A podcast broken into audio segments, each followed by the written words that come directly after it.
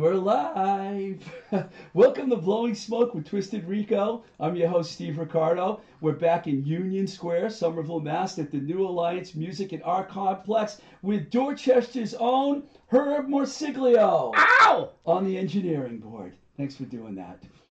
This week we have a very special show with a very, very, very, I actually wrote very three times, special guest, one of my favorite people on the planet who I have in the past not only referred to as Satan's daughter, but also the Queen of Metal, among other things. All nice, of course. She is the one and only Alice in Hell, singer of Mercury Plague, and the former singer of the very controversial band Dead Girls Don't Say No. And one of my favorite metalheads on the whole planet. But before we get to Allison, I just want to um, Believe me, I'm on the edge of my chair for this interview. So before we do that, though, I want to thank all our patrons, the people that support this podcast on Patreon page, on our Patreon page, patreon.com slash twisted rico p-a-t-r-e-o-n where you can join the cool kids club for only one dollar a month so thank you dave maria lee ellie matt chad kim andy sue and our newest patron chris in los angeles your support is greatly appreciated. All right, it's time to get heavy. Please welcome to the Blowing Smoke with Twisted Rico podcast, Alice in Hell. Good morning. oh, morning. See, people don't probably realize that we record in the morning, but we do. So before I jump into things, how do you, do you like that I'm using a charm song for the opening intro. Oh, that made me so happy. I missed them. we share a real love for that band, which we will definitely get into. So, how's it going? I mean, I know you drove down here from New Hampshire, and I drove down here to Somerville from Worcester, and I listened to Draconian all the way here. What did you listen to? I also listened to a Swedish doom metal band. They are called Sorcerer.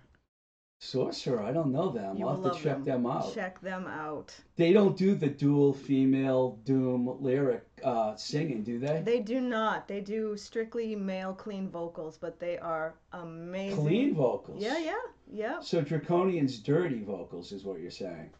The male growls. the female is clean. Melodic. She's very melodic. Yeah, I she's love great. her. Um, okay, wait, wait. Let me just. I gotta put. See, I can't see when I take my glasses off. So you know what I'm saying.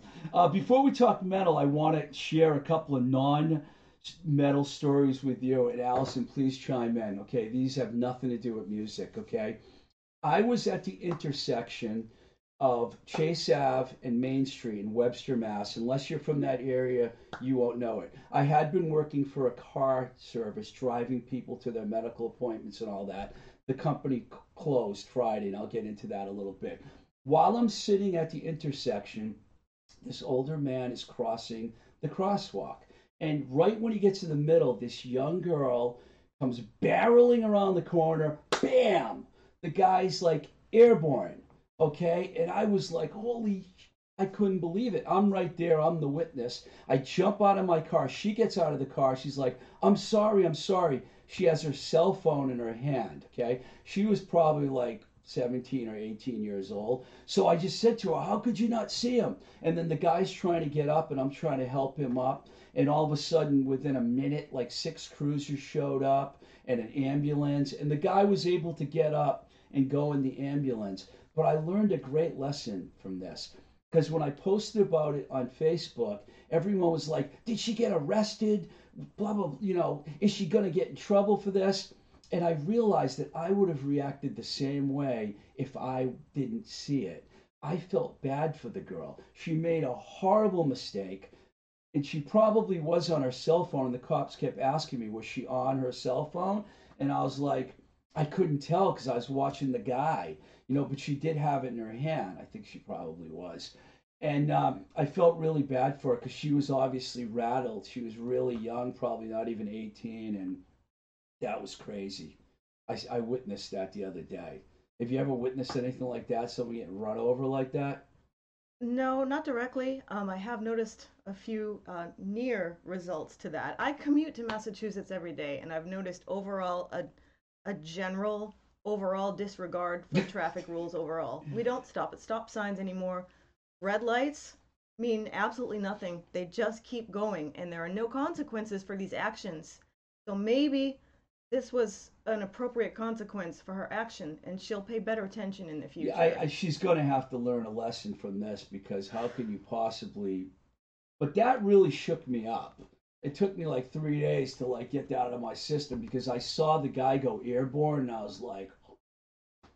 The other story I was going to tell was I'd been working at the car service company, and I, you know, I was at Worcester State College before that, and my plan was I wasn't going to go back to Worcester State College. On Monday, I was supposed to go and return my stupid uniforms. I can't. You have I, a uniform? Oh, what color is it? ah, it's like I look. It's like a chef outfit, you know, with a funny hat, like a sushi hat, and it's like Is it black and white? What do you mean? yes, it's black and white. and you have a hat? It's demoralizing. it's, de- it's demoralizing, but this is what you have to do to survive in this day and age. So I was going to go in on Monday and I was going to say, I'm not coming back for another semester, even though I like the kids and everything. But I couldn't make it down there on Monday because I was really busy driving. Tuesday morning, I get to the driving place. There's a letter from the owner. We're ceasing operations on Friday. This company's been around for like years uh-huh. and they suddenly closed. And everyone knew that they had talked me into staying there. And so they were like, "Oh, Steve, we really, really feel really bad for you. We talked you into staying, and now the company's closed." And I said, "You know what? I never told Mr. State that I was leaving. So, So you're all set. so if anyone from Worcester State's listening, please don't tell the supervisor about this. But I will be there making you quesadillas, wraps, and sandwiches, all you lovely college kids, on Monday. in your chef hat. Yeah, in my s- fantastic. in my, I always said I would never wear a uniform because you know I worked for labels and managed bands my whole life. The only other job I had was when I worked at Harvard, while I was managing bands. Yeah. I worked at Harvard part time, but it was you know good money. That's why I did it. So um, those are two crazy stories that I just felt like bringing up, and I, I don't usually do that, but. So now we're going to get into topics for Allison, which we've got some good ones here, Allison, because Allison and I are very good friends. So the first one is Alice in Hell. Anything to do with Annihilator by any chance? Oh, you know, you worked for Roadrunner. You remember Annihilator. I just want you to talk about Annihilator because that's where you got your name, right? Yes, of course it is. Holly Lane, who I worked with, who I've shared stories with you about. We'll talk about Pete Steele, don't worry. Um, she loved Annihilator. She turned me on to that band when they only had like a demo and stuff. And then I met you years later, and, and you're Alice in Hell. right? if, if anyone out there listening doesn't know what we're talking about, the band Annihilator, it was a one man band essentially, right? well, Didn't Jeff Waters founded Yeah. it, and he still is behind it. Didn't he do all the instruments and everything when they first started? No, uh, he did on later albums, but Okay, but he, you know, he was the one that had this. You know, he came up with Alice in Hell, Yes. and you used the name, and and I'm all good with that. um, next topic, we're just gonna jump from topic to topic. Uh, how we met, which is pretty cool because you're a total metalhead, right? yes, and I met you. I didn't meet you, but we were in the same room Yeah. when the Charms opened for Kay Hanley Kay from Letters to Cleo at Yep. the Paradise. yes. And I, we might have seen each other that day, but you're saying I thought I met you that day, but you're telling me we met at at the Kirkland. We met at the Kirkland later on at an Ellie and Joe solo show. Oh, they did an acoustic show. Yes, they did. Right. I'm pretty sure that's where we met. Was there? Was it one of those Twisted Thursday shows where I had like six different acoustic performers on? Oh, that's a good question. This would be around 2002 or three. We're talking about. If you had two yourself, 2002. 2002. and so we ended up. You came to every charm show. You Yeah. actually became a merch person for a while. You were a guitar tech for Joe. Videographer. We'll, we'll talk about that one. Yeah. That was fun. So that's how we met, and we became friends Yes. right away because you always, like I told you before, I was talking to Chili Kurtz from KHC on the phone last night, and I said, Allison's coming in. She'll have jeans and a rock T-shirt on. And she pulled out a vintage, A yeah, vintage one. show Yeah, yeah, yeah. Flotsam and Jetsam. Flotsam and Jetsam. I worked on uh, Doomsday for the Deceiver. Oh my god! You're gonna die when I tell you this, but I'm pretty sure the catalog number was seven two zero three two. He remembers the catalog number. I do remember some of the Metal Blade ones because I saw I was doing marketing and sales at Enigma when we had the Metal Blade deal, and we sold a buttload of like Metal Blade stuff. All the early Slayer titles, you know, Flotsam, Yeah. DRI, Fates. We'll talk about Fates Warning. I know Warning. you love Fates Warning. Herb, you digging this metal conversation? Very here? Herb's like, yeah, okay, right. Someone got run over and blah blah blah. oh my god! Okay, this story, this next story is one of my favorites ever. We were at a charm show in some in New York City, and this is bef- when the band did a lot of one-offs. By one-off, I mean they would go down there, play a show, come home. This is before they toured. They did a bunch of national tours. This is before that, and occasionally, if there was no hotel and nowhere to sleep, we'd drive back. Well, on this specific occasion, Allison came down and can I get a ride? She's like, yeah. So we're dri- we drive back together. So I'm like in the front seat and I'm like, you know, starting to doze off, and then I hear this song playing, and they're talking about stem cell research and all this stuff, and I'm like, what is this? I just immediately woke up. She had Dream Theater. I always forget the name of the song. Oh, the great debate. The Great Debate. It's like 16 minutes long. Did uh, the drummer write that? I want to say the drummer and the guitar player wrote that together. The drummer being, of course, I can't remember the drummer's name. Mike Portnoy at the Oh, time. excuse me. Great Mike Portnoy. Port, Mangini ended up replacing him, right? Mike Mangini, yep, Somerville guy. Who teaches at Berklee School. Not anymore. Why not? He's in Dream Theater now. Oh, he had to give up Of his course. tenured professor position. did Fre- did uh, Prince Frederick from the Charms have him as a uh, as a teacher when he went to Oh, Berklee? yeah, I think he did. He did, and or Rod Morgenstein. Oh yeah, Ro- he was in the license plate. okay, we're gonna talk about that too. There's so many good things to talk about. I, I actually have to put my. Uh, but you know the funny thing about the Dream Thea- Theater story is, my old friend Billy Polisi put out Industrial Metal magazine. I was a writer for him while I was working for labels. He loved Dream Theater. They tried to get me into Dream Theater forever, and I was like, boring, and I couldn't get into it. But after I heard that, I went and revisited the Dream Theater catalog, and that song "Wither" is like one of my favorite songs by Dream Theater. I became a prog metal dude John Petrucci wrote because that of you, because of me because in the of car you. Playing Dream Theater on the drive home from New York City to try and stay awake. five-hour drive. I wasn't doing a good job of navigating. I was falling. You falling were asleep. sleeping, and Well, then When I heard that song, Then though, did right I up. wake up and you go? sat right up in your seat. It was just. oh my God! It god! was a song about stem cell research. At the time, I was working as a uh, administrative assistant at Harvard while I was managing bands, and I went to Doug Melton, Professor Doug Melton, who was the stem cell research guy at Harvard, and I gave him the lyrics to the song, and he was like, "This is absolutely fascinating." I'm like, "This is a heavy metal band." He's like, "It's fascinating." and he and he loved it. He checked out the lyric. I think he probably went and listened. I don't know for sure. You think he might, but he was a Harvard professor. he didn't. He did. Allison knows. Okay, I, I'm going to try and do this without putting my glasses on. But Why? next topic. Well, you know, Because I, you're I, vain. I, I usually I want to wear my shades. Where? Oh, oh. can I Oh. wear my shades? How's that? Cool. Okay. We're gonna get a screenshot of this, Herb, for the YouTube page. Okay, we're real silly today. Like this because Allison's here. That's why. Okay, ready? Next topic. Ready? This will take people by surprise because if you're in a band called Dead Girls Don't Say No, how in the world can you be a Winger fan? What do you mean, how in the world? You have a Winger license plate. I do.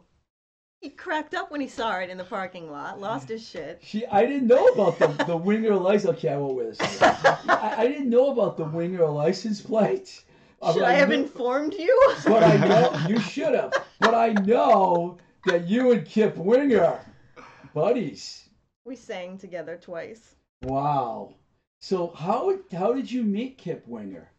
I met him actually at a, a winger show in, gosh, 2014 in Portland, Maine. I just went to see Was Winger. that Geno's or one of those rock clubs up Oh, there? Gosh, what was it? It doesn't matter. It's gonna come to me later. I have when I'm in serious memory loss. If you didn't notice, I can't. Because you're an remember. older person, I know. You told me. You're old now. You said on the phone. Don't look confused. You said it. Yeah, I just turned 32. I mean, I'm not that old. oh my god. You lie on the air. Holy shit. Yeah, I do. not a lot though. I've tried not to get sued by anybody, which you know might. Well, we won't talk about that. But um, so you became a fan, and then how did you end up singing with with Kip Winger? And where was it? Where did we sing? Yeah. Uh, the f- the first time it was at 1150 Bar and Grill in Cranston, Rhode Island. He was there doing an acoustic Lovely solo city. show. Cranston. Now I'm gonna get sued by the mayor of Cranston. Beautiful city. I mean, I'm sure it used to be when you know the, the mob ran the area, but Uh, Buddy Cianci, the mayor, the uh, mayor of Providence, did he have a pull over there in Cranston too? oh, I don't know. I don't know. I was just passing through, So, what song did you sing with him? miles away. Miles away. I'm not gonna lie to you and tell you I know what that song sounds like. Is it? Was it a hit? Yeah, that was a Of single from their second album, The song about the girl being 17. What song was that? 17. Se- I'm sorry, Kip. I apologize. Morgenstein was his drummer for a while, wasn't he? He still is. Rod Morgenstein is still in Winger. Yes, he never left. Wow. How can you be a fan of like the real heavy bands and also a fan of Winger? You have no boundaries? I have no boundaries. Have you? Everyone judges Winger by 17, right? That video where they're they've got all the big hair and the silly lyrics about being 17, but have you really listened to Kip Winger's compositions? Pretty heavy, Herb. um, yeah, I guess I have. I was gonna say no, but I've heard Winger because they're a big band. I mean, they they're not like a, a huge band, but they were very popular for some time. What, eighties? They went big uh, in 1988 with their first 88. single, Madalaine, their first album produced by Beau I can Hill. tell I've insulted you and Kip Winger, so I'm I apologize for that. I, I'm not insulted. I respect the fact that you're a Kip Winger fan, but do you think Kip Winger would hang out with the guy that we're going to talk about next, Peter Steele, Would he hang out with Peter Steele? Yeah, yeah, why not? another one of your friends? Well, Not was. really. He knew who I was because I was at every single damn type The of negative photos show. of you and Peter Steele. Right. he has to lift me up so I can even be in the photo. I on a previous episode I told the story about how I met. the guts. I'll do the reindeer brains, but the first time I met him when Holly and I went backstage, he's an intimidating dude, like six seven. Six and he- seven. He looked me right in the eye and he goes, If you fuck my record up, I'll kill you. And I'll never forget that. And I was like, I didn't know if he was joking or not, but no one in the room was laughing. So I, okay, Sounds like All right. him. okay, Peter Steele. He's And scary. then, then the show at CB's The Reindeer Brains. the I, reindeer brains. that episode's got a lot of, uh, one of my highest listened to episode because of the reindeer brain story. Because as it was told before, he showed up with a white bucket of reindeer brains and threw these bloody guts out in the crowd. Holly and I, once again, another Holly Lane story, we lost it. We were laughing so hard because people were like ducking and brains, and he's got blood dripping all over his hands. And he's hey, hey, it's gifts. It's a Christmas present. Look, it's right before Christmas. What a twisted dude he was. oh yeah, You were sad when he passed, weren't you? I was. Is he, he's one of your favorites. He is, yes. He Did- saw music in a way nobody else did. Were you a bigger uh, Type O or fan or a carnivore fan? Type O Negative. Typo. because I never, you know, they were they had some. They actually went. They became pretty big. Yeah, I would Yeah. say so. Not huge, but very And he- successful. And he posed in Playgirl magazine. Do you have that issue at home? August 1995. so, what were his best features once he removed all his clothing? Actually, I didn't care for those pictures. They they're really Oh, you're honest. they're they're fake. They're- They they really just dressed him up and made him up to the point where he was not himself. Did you find it silly that Peter Steele posed in Playgirl magazine? I thought it was a good business move. I'll tell you, women love him. Women love him. Everywhere I go, Peter Steele is like a sex god. A sex god, yes, but he was a really nice, polite person. He's probably a sex god to some men too. So Oh, he keep- wrote a song about it. Like, it's called "I Like Girls." so, because there were so many dudes hitting on him to- that he was like, "No, thank you." Yeah. No, I'm not going to tell you. Uh, no, I'm not going to tell you a story about when I got hit on recently by a man. Which you know, women don't notice me anymore, but now the men are like, Wait, why don't they notice you anymore? Because you're an older person? Probably because all the good women that I like are all taken now. So they're all married and have boyfriends and they're gone. I just don't pay attention. But men, for some reason, like this guy hit on me and it totally caught me by surprise. I, I was like, Where well, were you? Uh, I was driving this guy. Oh, he was a passenger. Yeah. Oh no. I'm not going to tell you what he said to me. Why? Is it embarrassing? No, we're going to switch the topic to another one of your favorites who I know you've met and hung out with, Henry Rollins. Henry Rollins. Another controversial man. Yeah, he's not really a metal dude, but he's about as heavy as it gets. I mean, He's Black Flag, metal. Wartime was kind of a metal band, I guess. Yeah, yeah, yeah. Yeah, well, actually, Black Flag, you know, My War was metal. Yeah. So, how'd you meet Henry, and how did you end up hanging out with him? Oh, we didn't really hang out. I just met him after a show, um, and I told him that he had inspired me. I had been asked to do some uh, speeches, I guess, um, go on a little mini talking tour about domestic violence. And I thought, well, if Rollins can do it, I can fucking do it. So I went up to him and said, listen, they asked me to do this, and I'm going to do it thanks to you, so fucking thank you. Wow, he Very- must have liked that. He did. He's like, fuck yeah, you can. He's a very open-minded person when it comes to issues. You know, he'll talk about any issue. Were you a Black Flag fan? No, I was more of a uh, Rollins solo band fan. The Rollins band Lifetime. Was that Wartime or Rollins? Okay, here we go again with the memory loss. But all his projects were always good. I, I interviewed him one time. You did? Yes, I did. And I brought up Black Flag in the interview. He did not like that. Why? I said, Do you think there's any chance that Black Flag will ever get back together, oh. meeting with him and the band? And he's like, Not unless John Lennon comes out of his grave. I, it's an industrial metal interview. It's right there. I'm not making that up. That's exactly what he said. Of course, Black Flag, there's two versions of the band touring right now. He's in neither one of them Flag and Black Flag. Greg's doing Black Flag with three other guys, and then Keith Morris and uh, Chuck Dukowski, and they're doing their own version of the band. So Oh, just like Queens. they're good though. Oh yeah, that was really.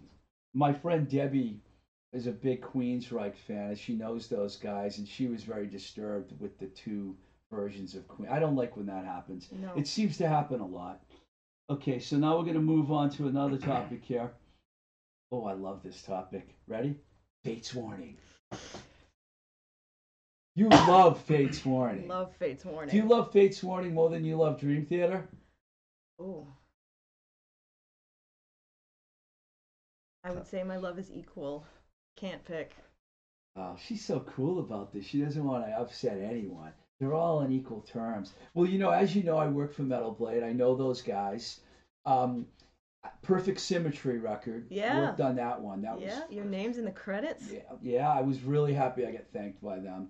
And they are really, really good guys. Jim Matheos is one of the nicest guys. Oh, he makes me sick. He's But, a um, fantastic player. Here's the question that I have for you in regards to Fates Warning. I know you've met those guys and, and, and hung out with them too, but John Arch Ray Alder? Oh no, you can't. I did. I did go there. Oh my god. I did go there. Oh, you can. I'm friends with Johnny. He might see this. and hear it. Why? You're gonna say Ray?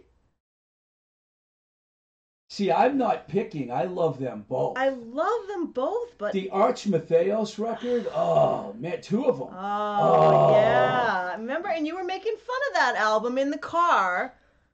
What? I used to play his first EP in the car when I would pick you up on the way to I the Charms, John and you were Arch, like. "Ah, "I'm John Arch." Wait a minute. I was only doing that to tease you. I like John That's Arch. nice. Now he's gonna kill me with this. Thanks a lot. He went, from, he, went from being mad at you to being mad at me. Thanks a lot for doing that. I actually know Ray a lot better because when I worked with Fates Warning, Ray was the singer. You know. Yeah. I, have you heard his solo record? Because I haven't. What the water wants? Yes. Good? It's beautiful. I gotta check it out. You will like it. Yeah, he's really good. He's one of the great Mexican American Yeah. metal dudes, man. There's a few of them out there. Their heart and soul is in it, man. You know, Ray's a good guy too. I I used to love hanging out with those guys. You know, Very nice really guys. great guy. Connecticut boys. you know. Connecticut band, right? I never hung out with them in Connecticut, only in California. You know, and a few other tour dates here and there. But uh, dates. Next band, okay. When I heard this band and got turned on by this band, I had to call you up and talk to you about them because I thought it was the greatest thing I ever heard. Draconian, Draconian. Swedish. I call you say they're doom metal, They sound doom metal to me. but they do. What do you call it when you have a, the woman singing melodically and the guy together? What is that? I don't think it has a name. Because I love that that that concept. Yeah, me too. The two together. Yeah, the juxtaposition of the clean and the growling is I, I love it. It's beautiful. Juxtaposition. Wow, I've never, I did, I haven't used that word yet. That's good. I know exactly what it means, but I'm not going to pull out a dictionary. But um, so when I called you and told you to check them out, you had the same reaction I did. You were like, "How did we not know about this band?" yes. Well kept secret. yeah. I don't think they ever toured in America. if they did, I'd like to see them. That they're fucking fantastic. Well, now they're back. Now they're you know, back. they're they got a new singer. I like the original singer, but I guess she went for a more domestic lifestyle and left the uh, after several years because they formed like in 2004 or something. They've been Oh, around for a while. And I, they've missed me this long. That's terrible. Yeah, they're, they're like That's one of my uh, favorite bands right now. Yes. Like I, you I'm. I'm. It's really weird. I'll listen to Draconian, then I'll listen to the Descendents, and neither one of the bands have anything in common whatsoever. But I, those are my two favorite bands right now, Draconian and the uh, Descendents. Okay, now we're gonna bring up some crazy things. Um, I don't really like to talk about this too much, but since Allison's here, I will. On one horrible night in Worcester. January. It was so cold. 2002, 2003, there was a brawl and I got arrested at a show. it was a Twisted Rico versus Wormtown show. I brought six bands with me. They had six bands. There was a fight at the end of the night. I was drunk. I went out in the street. I got arrested, and Allison bailed me out the next day. I wondered if this Gave was me a going to ride come up. home, Yeah. and I was like really bummed out. Rosie, Rosie was there, Huntress, too. and Devin Irish And Devin were there. we're yeah. also, I'll never forget walking out at six in the morning, still drunk, and seeing those three looking at me like, you asshole. Whoa, you asshole. You why did you get arrested? The walls are caving in on us. Yeah, So literally. Herb almost got killed, and everyone had an engineer. That wouldn't have been any fun because I don't know how to work all that shit over there. But so you forgave me.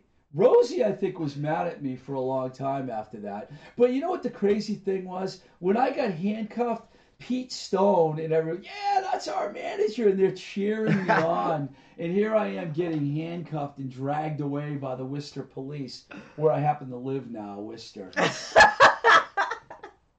You do not want to be in jail in Worcester. Not then, not now, not ever. you were cold, as Yeah, I recall. You yeah. froze your ass in Yeah, that cell. Yeah, they cell. didn't give you a bl- no blanket. Yeah, can I get a blanket? Fuck you. Get in that cell and shut up. You know. So I froze my you know what's off. But uh, thank you for bailing me out. You're welcome. Rosie will hear this and go, "I bailed you out. She didn't bail you out. Rosie technically had She the money. Did bail me? There was money involved. I don't think I ever paid anyone back for that. What do you think? They just let you go? You got to pay for that. We had to wait for the That was a bail bad officer. Boy. There was two times the bail officer could have come. She didn't come the first time because you know it's three in the morning and she's in bed, so we had to wait. Okay, I feel bad that I brought this story up. Why did I bring this up? Now I feel bad. Change the subject. I got one more topic for you. Well, a couple, but this is the, the, the long list one. The Underground Garage Festival. oh gosh, so You were fun. there. Yeah. And the Charms played along with 43 other bands, including the New York Dolls, the Stooges, Bo Diddley. I remember Bo Diddley because Joe Wisner couldn't stop talking about Bo Diddley. Oh yeah, Uh, Nancy Sinatra. She stepped on my Nancy foot. Sinatra. Nancy Sinatra stepped on your foot. She apologized. Very nice. Were you standing there when uh, Bruce Springsteen went up to Cat? Yes, was the she keyboard was like, player of the Who's Charms. that guy? He goes up to her and puts her arm around and goes, You guys were great. And she pushed him away and she's like telling her, Who is this guy? That was It was, she's from Russia, you know. She had no idea. It was in the t- in the Phoenix. The bo- it was the first story, the first paragraph of the book. Carrie Carly Carioli wrote the story and like told that story how Cat blew off Bruce. Bruce It actually made the Charms look kind of cool. Actually, Yeah, it did. Not a big fan of the E Street Band right here, Oh, but uh, we won't talk about the the guy that runs the underground garage. That's all I'm going to say about him. But uh, that festival was fun though. a lot of We fun. had a blast. The sea of people who were there, amazing. Were you in the Charms trailer when the food incident happened? When Kat took all the food trays and threw them? No. Boy. She was. It was a rough day. People were fighting that day, but it was still one of the great days in Charms history. When they were on stage, it was like about ten thousand people there. It was so they- amazing they- to they- see. They played in front of a lot of people. There was supposed to be a film that came out, but it never came out. You were on stage though. I was crouched behind a monitor. Yeah, You were kind of Joe's guitar tech, but yeah. you can't even tune a guitar, can you? Fuck you, yes I can. Are How many you times did she me? drop the f bomb? I Oh just said that for jokes. God. I wanted to break Hank's record for the most f bombs in one show. This is definitely going to be an 18 plus show. Thanks for I that, can't Allison. tune a guitar. Are you fucking listening to this guy? I'm sorry. I No, was you're joking. not. It was a joke. No, it wasn't. You tuned Joe's guitars. I apologize. And Ellie's. and Ellie's. wow. Boy, I'll never say that again. I am apologizing for that over and over again. So, um, before I ask you about your band that you got into, I think we're going to play a song right now by Dead Girls Don't Say No. It's the title track from their record, which we'll talk about because it was recorded at New Alliance in Cambridge. It was. The other New Alliance. We'll talk about that in a minute. yeah. But um, Herb, do you think you could possibly put dead girl, dead girls? Don't say no. And everyone out there that doesn't know the band's like, did he just say dead girls don't say no? Is that what? Dead girls don't say no. Name of the band, and we're gonna find out how they got that name. But let's hear the track. Let's hear Allison singing.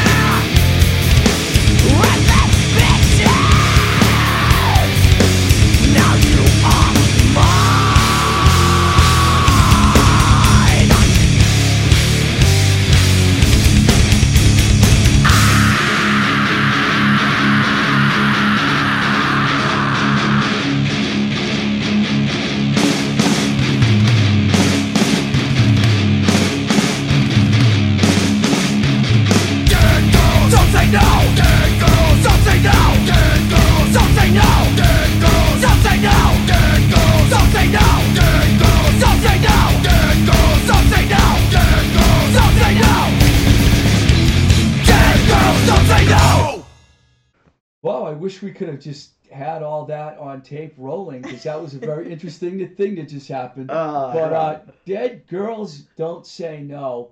Okay, Allison, I wore that shirt one time. I'll never forget this. And there was a women's march going on in Pittsburgh, and I didn't realize I had the Dead Girls Don't Say No shirt on, and someone noticed it, and she wasn't very nice to me. I can imagine. So, how did the band come up with the name? Why were they called Dead Girls Don't Say No? And how did they get a female singer? I know that's a lot of questions, but please help me out here. Dead Girls, that name was in place before I joined the band. And as I understand it, it occurred as the result of a conversation between maybe the drummer and the guitar player about Right. this man uh, in our metal scene at the time who was trying and failing over and over again to uh, get female attention or get a date. And nobody would date him, so they postulated that he should maybe date a dead girl because she wouldn't say no.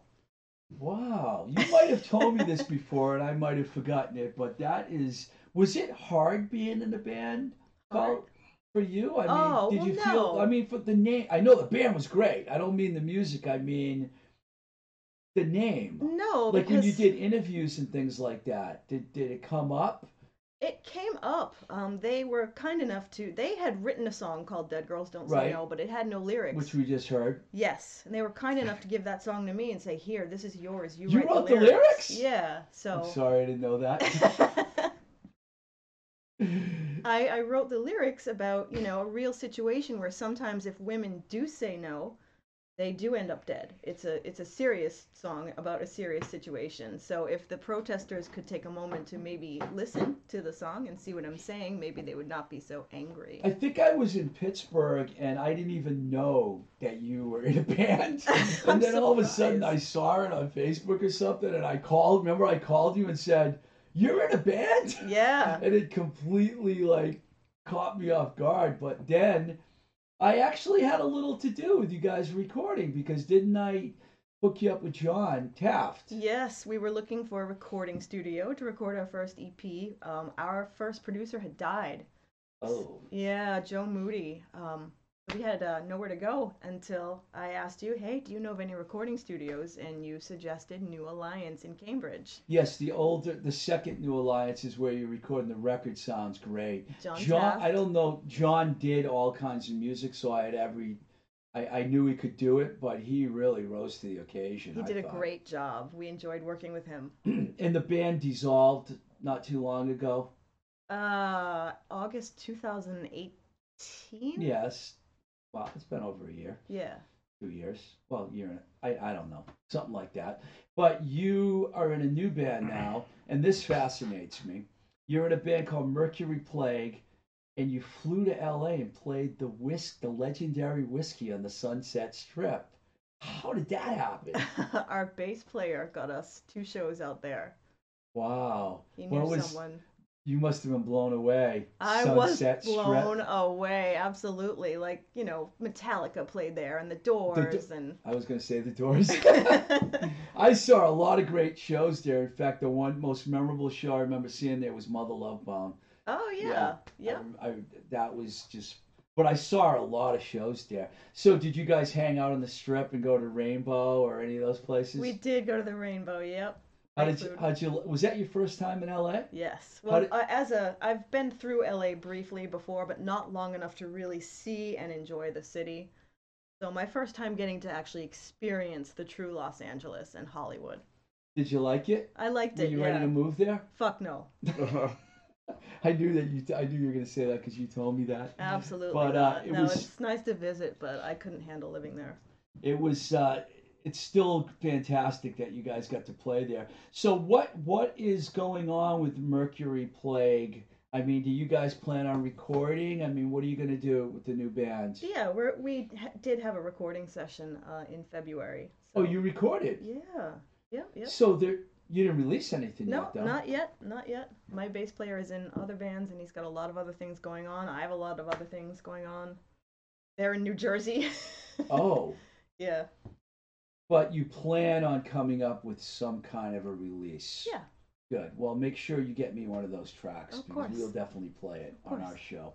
Um, okay, what we're going to do right now is we're going to actually play another song, and then we're going to talk about a couple more things. Um, Eviction, a band that I signed to Metal Blade in 1989. They've been trying. People have been trying to get them to do a reunion show forever because they haven't played in years, and now they've agreed to do a reunion show, and they're going to play um, in Pittsburgh, their hometown. And we're going to play the track "Wake Up" because I just talked to uh, Robbie Tabachka, the guitar player, yesterday, one of the guitar players, and uh, he's all excited that they're getting back, and I love those guys. So this is uh, Eviction Wake Up, uh, which will be released. They have a new deal now. They're re-releasing a bunch of their old stuff, and they're going to do a show to coincide with all of this. So here's Eviction.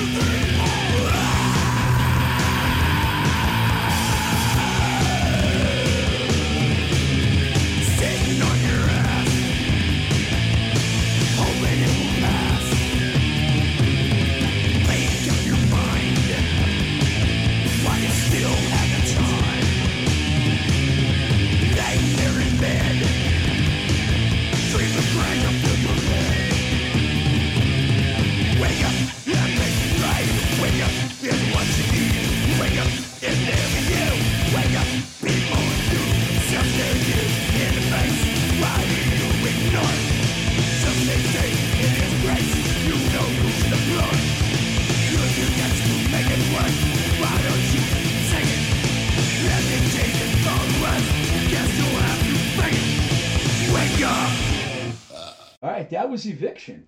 And uh, did you like that track, Allison? Bitching. Todd. We're having a lot of fun behind the scenes here. You don't want to know what we're doing. It's, it's all going to be like, you know. Anyways, um, I just wanted to throw that on there now. There is one more topic here, and Allison's still with us. So um, this is a hard one for me to talk about. I wasn't the hugest fan in the world of the band, but I have the utmost respect for them. Just found out last night that Neil Peart, the drummer of Rush, passed away. Uh, regarded as one of the greatest drummers in the world. And the thing that makes him so special is that he wrote all the lyrics of all the Rush songs, which is like unbelievable. And uh, he was a cool guy. If you've never seen the, the video of them at the Rock and Roll Hall of Fame, the acceptance speech, you got to watch it. It's one of the funniest things I've ever seen in my life. Alex Lifeson actually stole the show, but they were all good. Neil Peart, very funny guy, and big dude. Very sorry to see him go. Were you were you a Rush fan, Allison? they kind of missed me. So I liked them kind of in the background. They used to play at the, the roller skating rink when I was a kid, but it just kind of went over my head. It's funny though because I think some of your bands that you love, like Dream Theater and Fates Warning, would probably say they were influenced Absolutely. by Rush. Yeah. A lot of people. Yeah, that's the reason I started paying attention to Rush when I figured out that Dream Theater was influenced by them so heavily. And their early stuff. I mean, they did get a little, you know, Tom Sawyer and, and that stuff. I didn't really dig it, but the early recordings, fantastic, you know. So I just we just had to mention that because, you know, we, you know, as as you would expect, the reaction around the world was enormous, as um, it is when many rock stars pass away. But there was something about Neil Peart that people really liked. As a matter of fact, as we end the show here, uh, I want to. Um, I got a lyric here that Neil wrote that I wanted to read because it's. I don't. There's something about this song that meant something to me uh, deeply. If you know me, you probably figure it out. But the paragraph went something like this. It's this from the song Lakeside Park. Everyone would gather on the 24th of May, sitting in the sand to watch the fireworks display, dancing fires on the beach, singing songs together. Though it's just a memory, some memories last forever. The That's great Neil beautiful. Peart. Uh, thank you, Allison, Thank you for coming, and thank thank you all for listening and making this show a lifelong dream fulfillment for me. Every time I get to come here and record, it makes me happy. So until the next time we say goodbye, this is Blowing Smoke with Twisted Rico. I'm your host Steve Ricardo, and let's keep the rock and roll alive. Peace out.